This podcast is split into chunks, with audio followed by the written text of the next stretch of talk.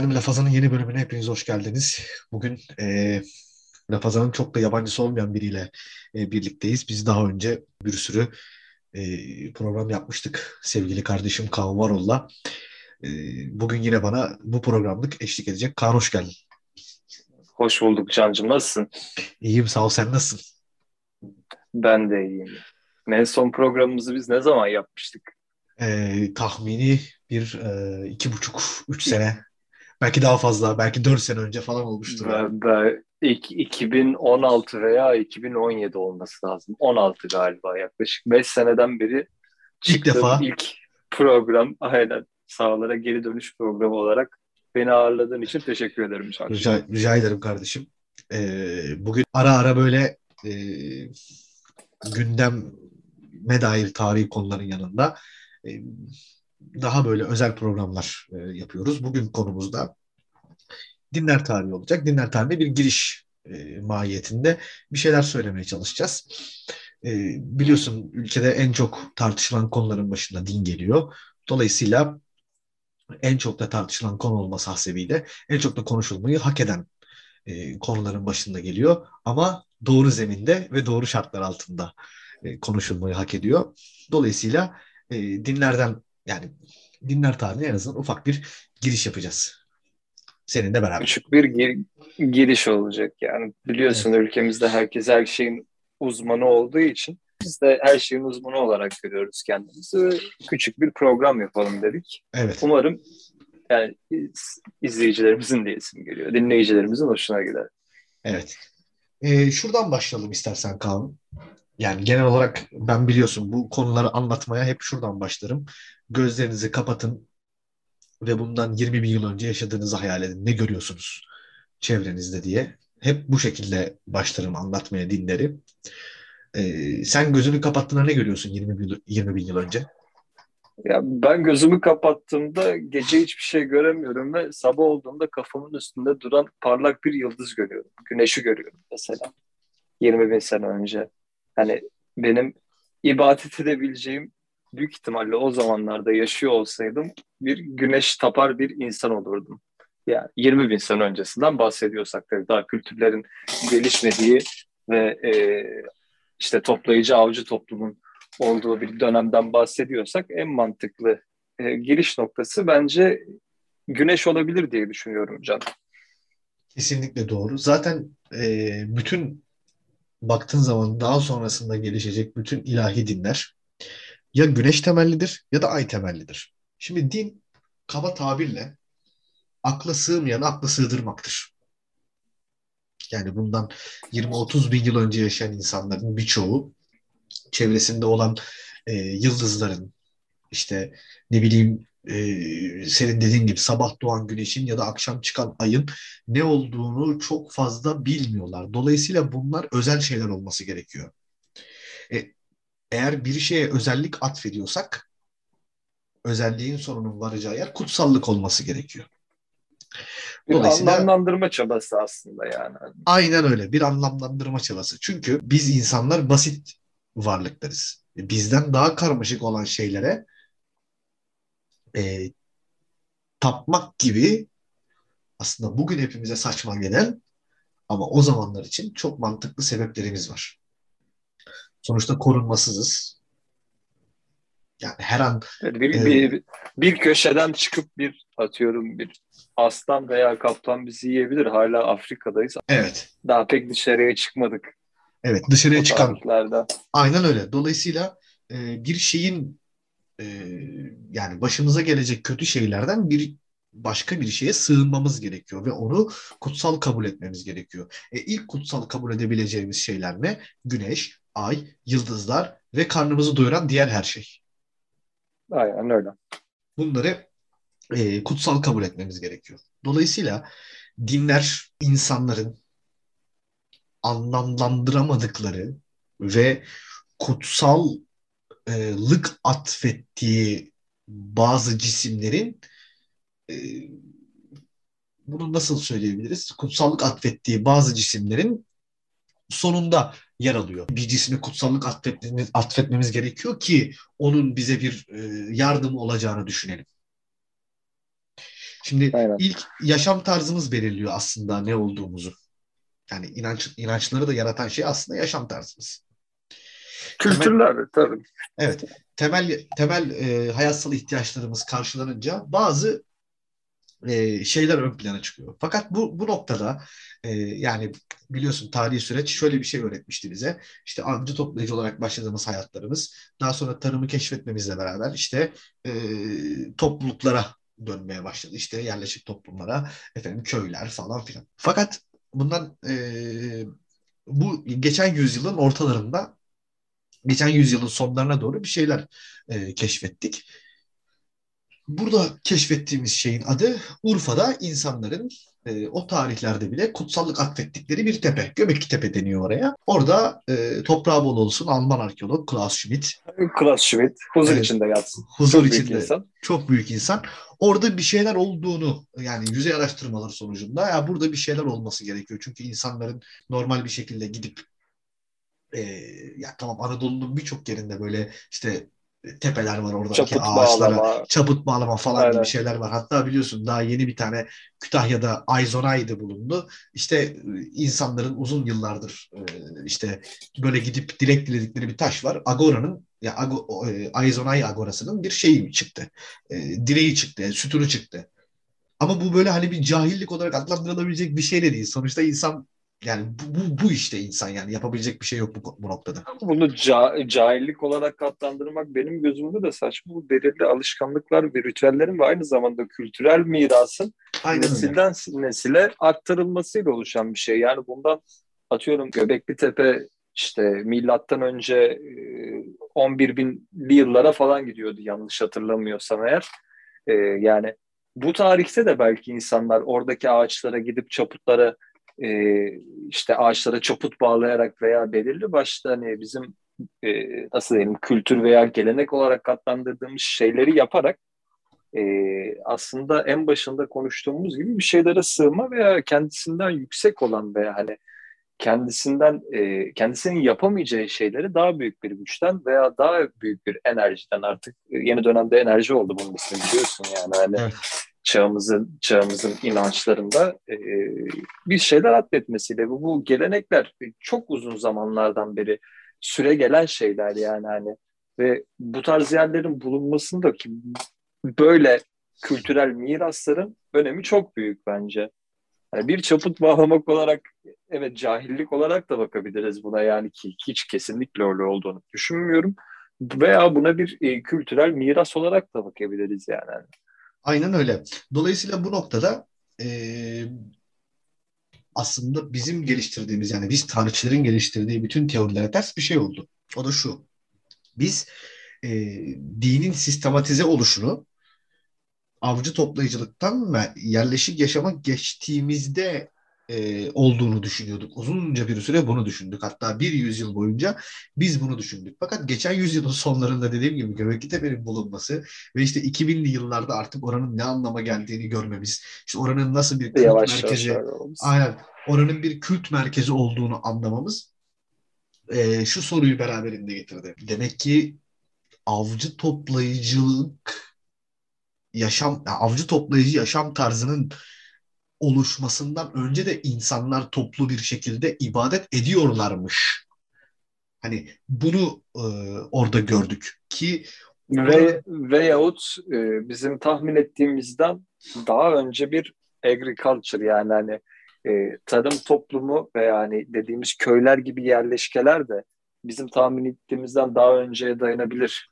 aynen bir öyle. sonuç da çıkartabilir bundan yani. Aynen öyle. Velhasılı kelam, velhasılı kelam e, insan insanoğlu insanoğlu yani buraya şuradan gelmiştik hatırlıyorsan. İnsanoğlunun inanma içgüdüsü, insanoğlunun anlamlandıramadığı şeylere kutsallık atfetme içgüdüsü ve bunun sonucunda bu kutsallık atfettiği şeylerin onu herhangi bir kazadan, herhangi bir beladan koruyacağını düşünmesi. Aslında temelde bu var.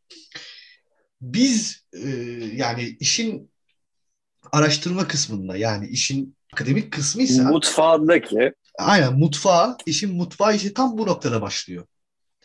Yani e, burada mesela Mircea Eliade'nin mükemmel bir lafı var. Diyor ki e, din tarihçisinin nihai hedefi, din tarihçisinin nihai hedefi homo religiosus. O inanan insan kavramına homo religiosus diyor. Religiosus'un e, davranışlarını ve zihinsel evrenini anlayıp başkaları için aydınlatmaktır. Yani aslında Ale, e, evet bu arada bilmeyen dinleyiciler için Aleyhide Dinler Tarihine Giriş adlı bir kitabı var kendisinin. Yanlış bilmiyorsam. evet eğer. Ela zaten Ee, yani Ela, çok Ela'ydı. Evet. Aynen. Çok büyük yani. Hani bu konuda büyük bir isim. aynen Kendilerine bu konulara ilgileri varsa böyle bir küçük bir aynen. naçizane bir tavsiye Zaten-. Zaten programın zaten programın sonunda toplu okuma listesi vereceğim.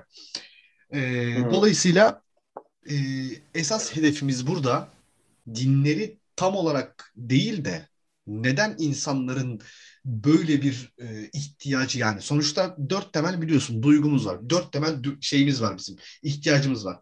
E, barınma, beslenme, giyinme ve üreme. Şimdi beşincisi burada inanç. Ama inanç bir dürtü müdür? Yoksa inanç e, zaman içerisinde e, tüm bunlardan farklı olarak insanın daha e, toplum içerisinde daha rahat yaşamasının mümkün kılan bir şeye dönüşmüştür? E, bir olguya mı dönüşmüştür? Aslında temel sorun bu. Evet. Çıkışı Ya belki... bu su.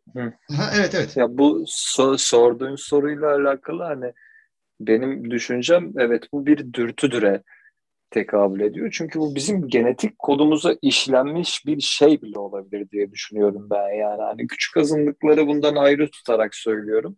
Veya geçmişten şimdiye günümüze ve bu günümüzden sonraki gidecek kısma kadar olan noktadan bahsediyorum ben. Bu bir dürtü olabilir çünkü insanların herhangi bir kendinden üstündeki herhangi bir yaratıcıya ve yaratıcıya veya bunun ismine evrene veya bunun ismine enerjiye karşı e, bir inanma içgüdüsünün olduğunu düşünüyorum. Bu bizim genetik kodumuzda da yazıyor olabilir. Çünkü bizim hani e, yani toplumların gelişmesinde, ilerlemesinde tabii tarih boyunca bunun gerilemesine de çok sebep olmuş noktalar da var dinle alakalı. Fakat e, bizim genetik kodlarımızda böyle bir inancın, böyle bir dürtünün olduğunu düşünüyorum ben. Yani ilk doğan hiçbir şey bilmeyen bir insan bile hani yeni doğduktan hani belirli başlı e, şeylere daha maruz kalmayan bir insanın bir tane yukarıda elini kaldırıp yani bu konuyla alakalı ve konularla alakalı kendi çocukluklarından da hatırlayabilirler. Kendileri sorular oluşturmaya başlıyorlar ve bundan sonra soruların cevabını hayatları boyunca ilerledikçe e, şey yapıyorlar. Ne denir ona? E, cevaplarını yavaş yavaş kendi hatlarında bulmaya başlıyorlar. Mesela ben sana şöyle bir soru sormak istiyorum. Az önce Göbekli Tepe'den vazgeçtik ve benim dediğim şeye biraz daha farklı bir katkıda bulunmak için. Dune'u izledin mi? Dune'u izlemedim. Dune'da e, Frank Herbert'in kitabıdır. Bu arada yani üç tane üç tane or, or, nasıl tam olarak hatırlamıyorum da üç tane veya dört tane kitabı var. Ondan sonra babasının işte şey Tolkien olayında olduğu gibi oğlu devam ettiriyor falan. Neyse konu o değil. E, Dune'da anlatılan şey aslında tabii genel anlatının dışında hani seyirciye gösterilen şey e, şu yani bir Mesih'in 2000 yani 2000 diyorum 20 bin 30 bin yıllarda artık ne, tam olarak yıl olarak vermiyor zaten Herbert kendisi. E, bir Mesih'in hikayesini izliyoruz ve bu filmde mesela Göbekli Tepe'de de olan veya çok e, geçmişte sen benden daha iyi bilirsin dini e, din açısından önemli noktalarda e, ortaya çıkan bir hayvan figürüyle karşılaşıyoruz ki filmde de bunu mesela çokça yüzümüze vuruyor. Göbekli Tepe'de de yanlış hatırlamıyorsam var. Boğa. Evet. Mesela boğanın e, dinler açısından yerini şimdi özellikle güncel bir konu olduğu için sana sormak Hı hı. istedim. Benim bu konu hakkında biraz bilgim var. Fakat mesela izleyen insanlardan birlikte izledim. iki defa izledim ben. Deniz Villeneuve'ın e, bir hayranı olarak veya işte sinematografisini seven bir insan olarak sürekli filmde gözümüze boğa boğa boğa çarpıtılıyor. Ve sürekli onunla alakalı görseller ve işte ana karakterin dedesine boğa, boğayla boğuştuğunu falan anlatan şeyler var. Bu dinler tarihindeki özellikle e, boğanın yeri nedir Can'cığım? Bana bu konuda aydınlat, beni bu konuda aydınlatabilir misin? Tabii. Ee, güzel soru. Bunu yani Güzel soru. Zaten e, yani sanırım dinleri konuşurken konuşmamız gereken 5-6 tane özel konu başlığı var. Bunlardan bir tanesi boğa, bir tanesi kadın.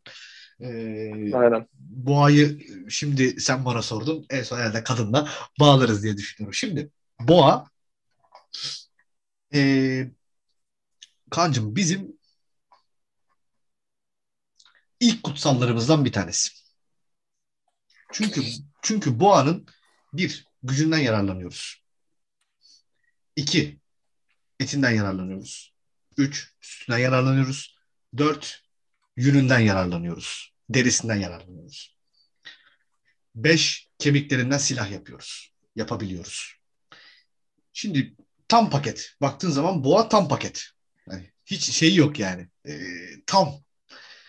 Fakat Boşa boşa giden bir parçası yok yani. boşa giden bir parçası yok. Aynen öyle. Özellikle Fransa'da Şove mağarasında ondan sonra bizim e, Antalya'daki e, mağarada İstanbul'da Kemerburgaz'da birçok şey bulduk. E, boğa çizimi bulduk. Av sahnesi. Şimdi hani dedik ya anlamlandıramadığımız nesnelere kutsallık atfediyoruz diye.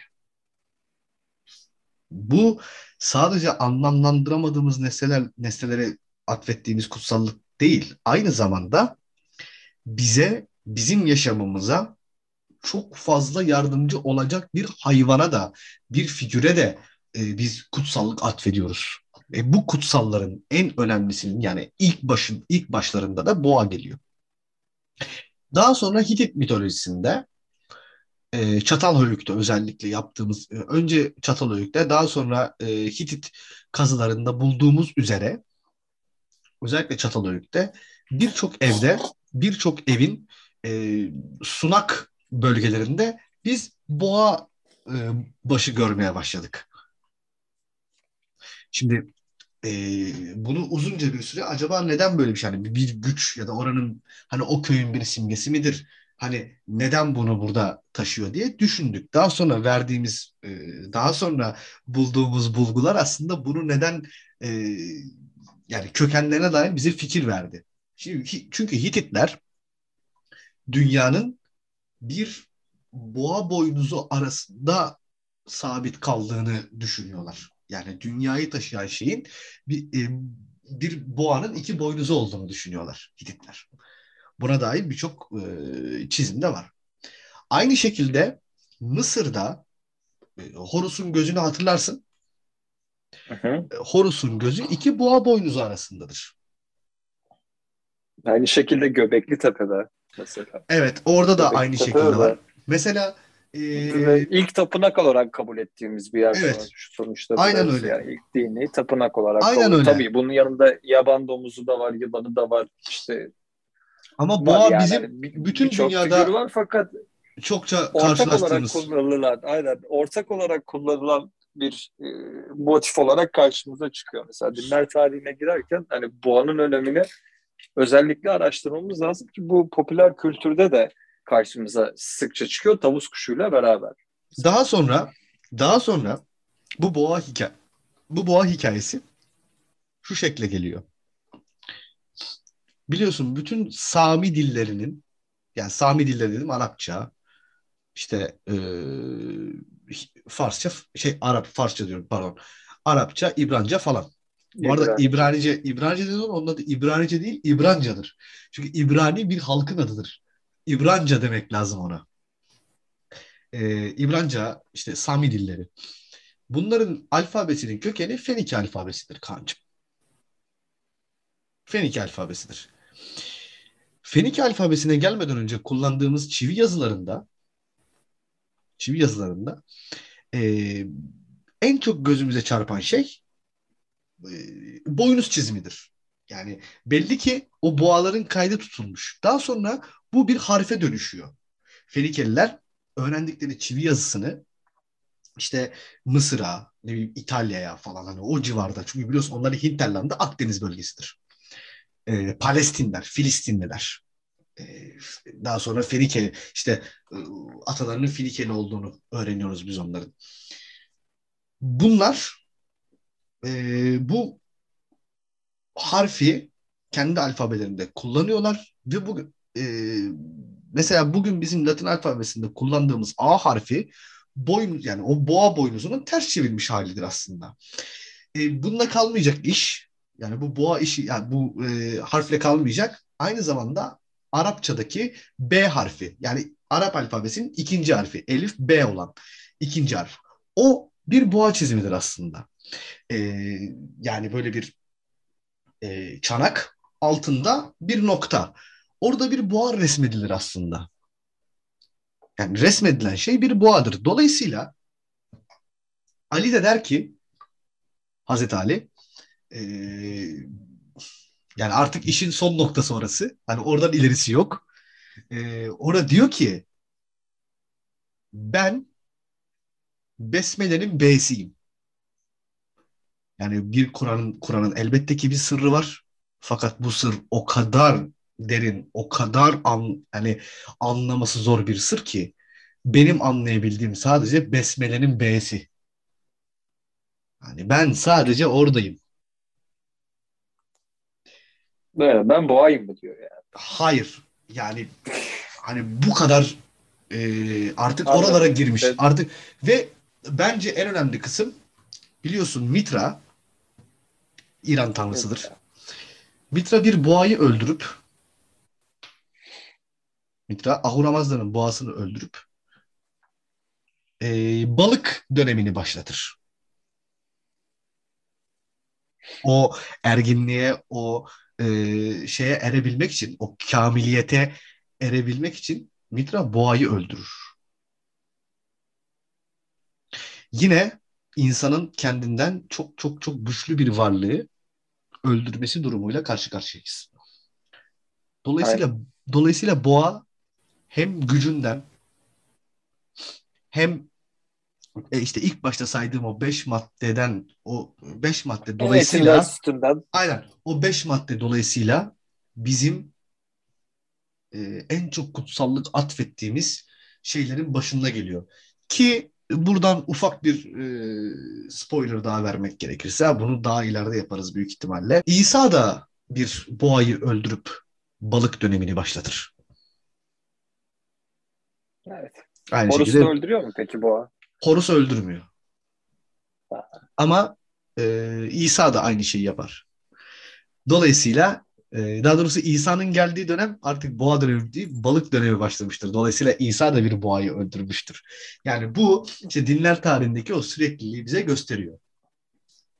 Sanırım sormuş olduğun soruya e, Aynen. yeterli bir cevap Yani olmuştur. bunu diyor izleyicileri anlamlandıramadıysa izlerlerken lan burada niye sürekli boğa görüyoruz biz ters asılan boğalar, boğayla savaşan insanlar mesela az önce İsa ve e, Mitra örneğinde gördüğümüz gibi bunun belirli başlı anlamları olduğunu dinleyicilerimiz anlamışlardır. Yani ben çok güzel şekilde anladım mesela.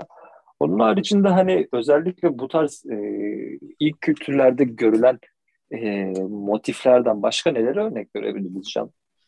Boğanın dışında. Boğanın dışında Mesela boğanın dışında kadın diyebiliriz. kadın diyebiliriz aynen. Ka- kadın diyebiliriz. Şimdi e, insanlığın ilk tanrısı yani insanlığın ilk yaratıcısı olarak düşünülen şey bir kadındır. Kibeledir. E, Kibele daha sonraki ismi. Biz Evet, ilk ilk ismi ne? ilk ismini bilmiyoruz. Venüs heykelci diyoruz biz. Ha, tabii. Tabii. Venüs Bizim daha heykelci. diyoruz. sonrasında isim, isimlendirdiğim şey ama yani aslında hepsi aynı şeyi tasvir Tabii ki. ediyor. Tabii ki. Şimdi neden kadın kutsaldır?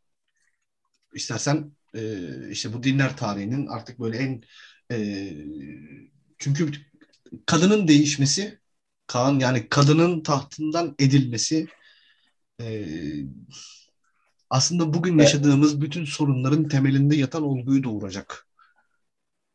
Eril vahşet. Şimdi Evet, daha evet anladım demek istediğini dinliyorum. ilk yerleşim yerlerini kurduğumuzda köylerde yaşamaya başladığımızda e, geçim kaynak yani en büyük geçim kaynağı hayvancılığın yanında bir de tarım eklenmeye başlıyor. Zaten avcı toplayıcılıktan artık yetiştiriciliğe geçiyoruz. ve burada bir toplum yapısı oluşturuluyor. Şimdi kadının kutsal görülmesindeki sebepler nelerdir? Bir, doğurganlığı. Kadın doğuruyor. Peki başka doğuran ne var? Toprak var. Dolayısıyla kadın ve toprak birbirinin eşitidir.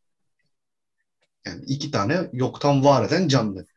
Dolayısıyla bizi var eden de kadın olmalı diye düşünüyor ilk topluluklar. Ve e, toprağın verimini arttırabilmek için kadın saçıntısı yani o doğum kadının o doğumdan önce gelen o sıvısı var ya o tarlalara dökülüyor ki toprağın verimi atsın. Aslında bir nevi canlı gübre kullanımı. Ee, yani bu işin şakası tabii ki de yani öyle bir gübre yok da. Ondan sonra böyle bir e, ritüel var. Aynen böyle bir ritüel var. Çünkü iki hani e, iki doğurgan bir tanesi doğuruyor, bir evlat veriyor işte e, şeyi arttıracak, insan sayısını arttıracak. Diğeri insanların yaşaması için e, yetecek tahılı bize verecek işte buğday, arpa artık neyse falan. Dolayısıyla bizim ilk antropomorfik yani insan görünümlü çiz insan görünümlü resmettiğimiz işte e, yonttuğumuz e, şey kadındır. Peki Willendorf kadın... Venüsü. Kendisi evet. Aynı zamanda e, e, Young Pop izleyicileri de bunu evet. gayet iyi şekilde bilir. Vatikan'da kendisinin e, bir orijinali bulunmaktadır. Evet. Şimdi peki bu nasıl resmediliyor? Şöyle resmediliyor. Şimdi insanların e, kancım şey insan tasviri uzun süreler boyunca çok değişti. Özellikle kadınlar çok fazla şekilciliğe maruz kaldılar. Şimdi evet. biz ilk şimdi biz ilk e, tanrıçalarımızda şunu görüyoruz. Geniş kalça, geniş bacak, büyük ve sarkık göğüsler. Aynen. Göbek. E, göbek. Yani buradan e, aslında göbek, belli anlamlar aslında belli anlamlar çıkıyor. Zaten hani ne demek istediğimiz açığa çıkıyor. Yani semir semiren insan e, kütlece semiren insan daha sağlıklıdır. Kadının da kütlece büyüğü makbuldür gibi bir sonuç ortaya çıkıyor. Dolayısıyla insanlığın ilk yaratıcısı kadındır. Ve dinler tarihinin yani dinler tarihinin ilk e, büyük tanrı, ilk büyük yaratıcısı olarak kabul ettiğimiz şey bir kadındır. Peki bu nasıl oldu da değişti? Esas soru bu. Bu nasıl oldu da değişti? Şöyle değişti. Bu arada değişim noktasına girmeden önce e, evet. e, Eskişehir'de Han ilçesi e, Kibele'nin tapınağının olduğu aynı zamanda Frik Vadisi olarak adlandırdığımız bir bölge var. Kişilerin oraya gidip e, görmelerini tavsiye ediyorum ama ne olur Kibele'nin e, taş oyması yani hani bir köşeden bakınca Kibele'nin yüzünü gördüğünüz bir e, oyuk bir taş yapısı var orada. Lütfen onun üstüne Hakan Elif'i seviyor yazısı yazmayın. Buradan evet. da sosyal mesaj verelim. Çünkü evet, ben oranın e, yani belediye fotoğraflarını çekmiştim tanıtımı için ve gördüğüm manzara konusunda şok olmuştum. Yani Hakan belli ki Elif'i düzgün şekilde sevmiyor sevseydi binlerce yıllık tapınağa bunu yazmazdı. Siz de yazmayın ki yazmadığınızı biliyorum ama etrafınızda böyle hayvanlıklar yapan arkadaşınız varsa lütfen kendilerini uyarın. Uyarmaktan anlamıyorsa dövün. Devam edeceğim. Böyle Aynen öyle. Hatta sadece hatta sadece oraya değil Türkiye'nin muhtelif yerlerindeki önemli antik e, duvarlara lütfen artık spreyle yazı yazmayın. Bu bir medeniyetsizliktir. Hayır, bugün barbarlıktır. Bu bir barbarlıktır. Aynen öyle. Şimdi evet nasıl değişti e, demiştik. İnsanlığın ilk tanrıçası, insanlığın ilk yaratıcısı nasıl tahtından edildi? Şöyle tahtından edildi.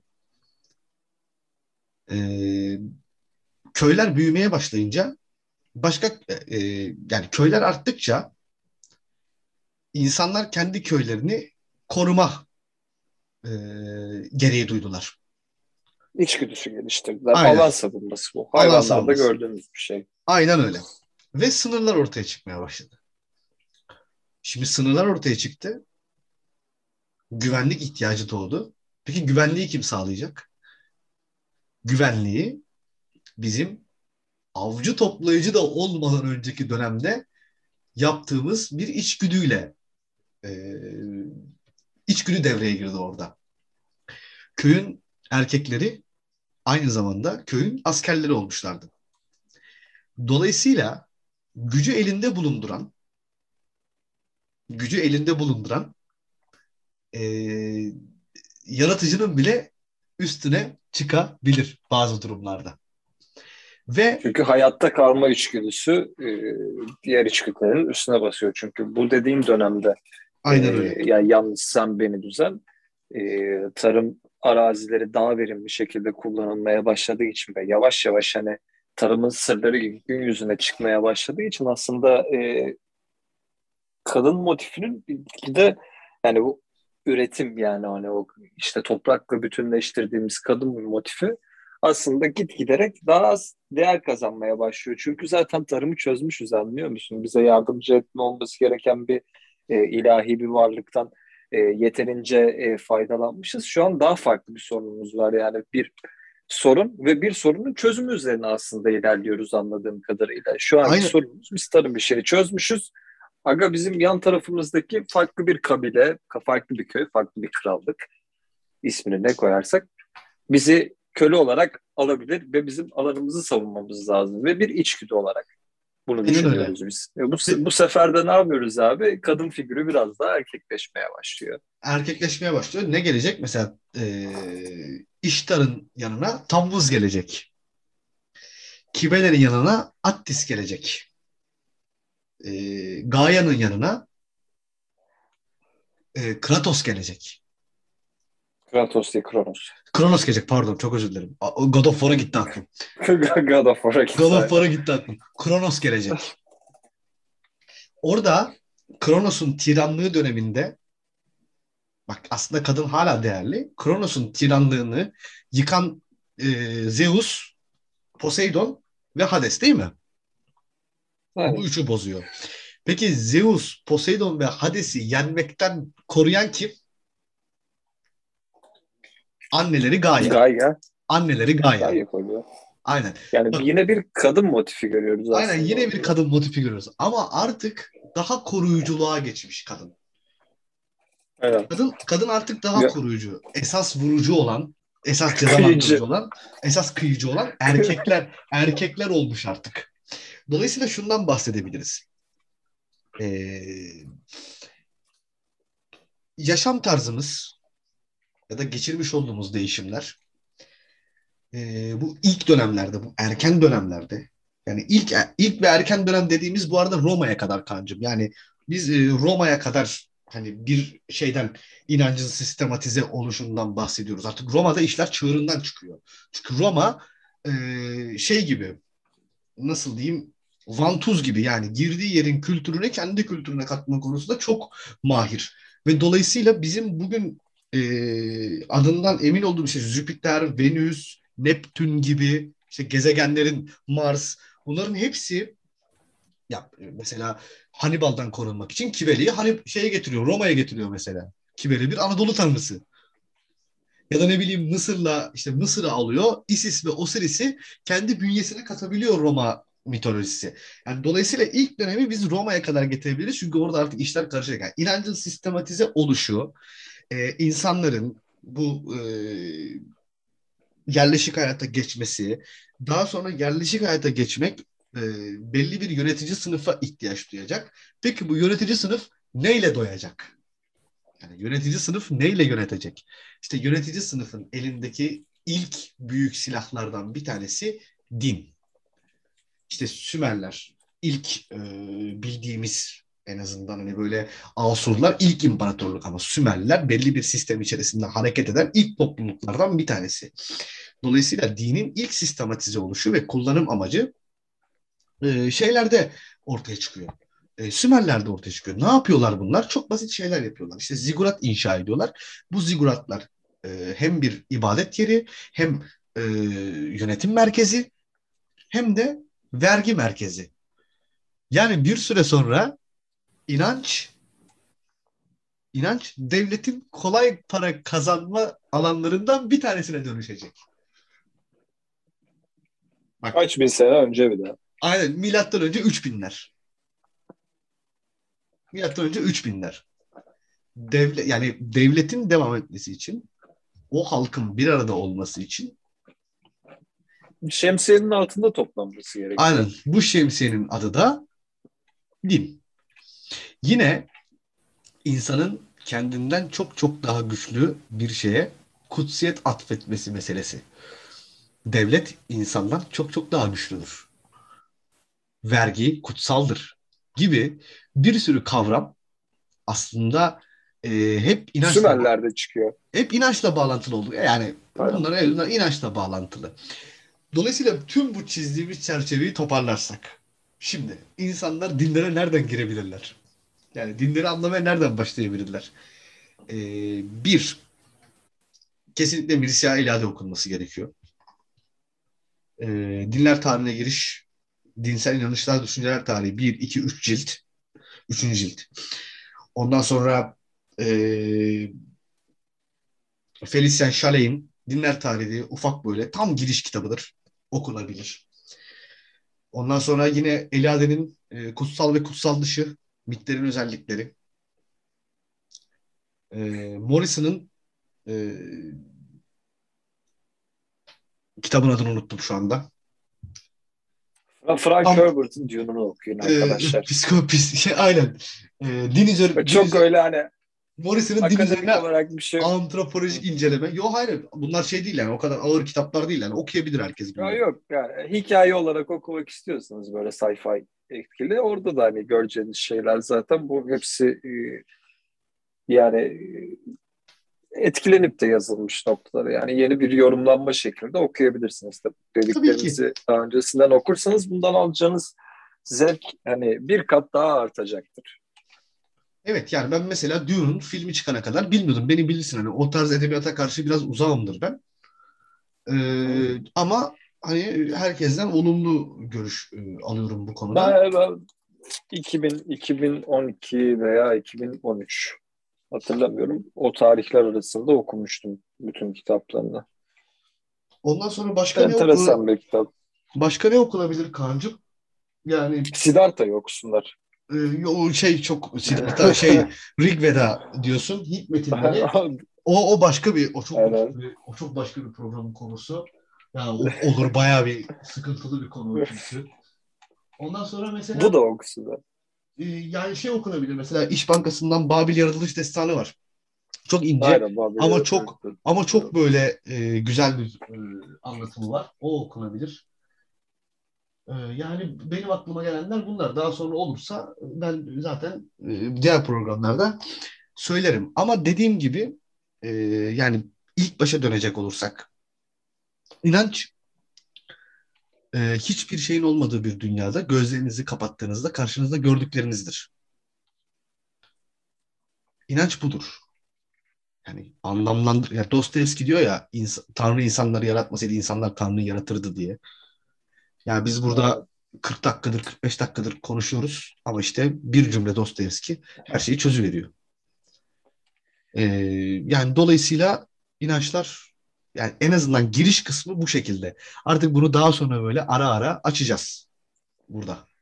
Aynen öyle. Yani şimdiye kadar konuştuklarımızda çok yüzeysel bir girişti zaten. Tabii bu çok inanılmaz inanılmaz yüzeysel bir giriş bu çok yüzeysel bir giriş olduğunu düşünüyorum ben. Bunu daha sonrasında e, mesela e, şey olarak yapmaya devam edebiliriz diye düşünüyorum. Tabii Mezopotam Mezo devam edebiliriz. Aynen öyle işte Mezopotamya. devam e, bunların hepsi yani bunlar e, e, bu giriş giriştir kancım ama işte işi spesifik hale getirdiğin zaman Mezopotamya, ondan sonra Yunan, Roma, e, Kelt, Nordik, Efendim işte Türk evet, dinleri, Ara, şey dinleri, ve, önce Arabistan.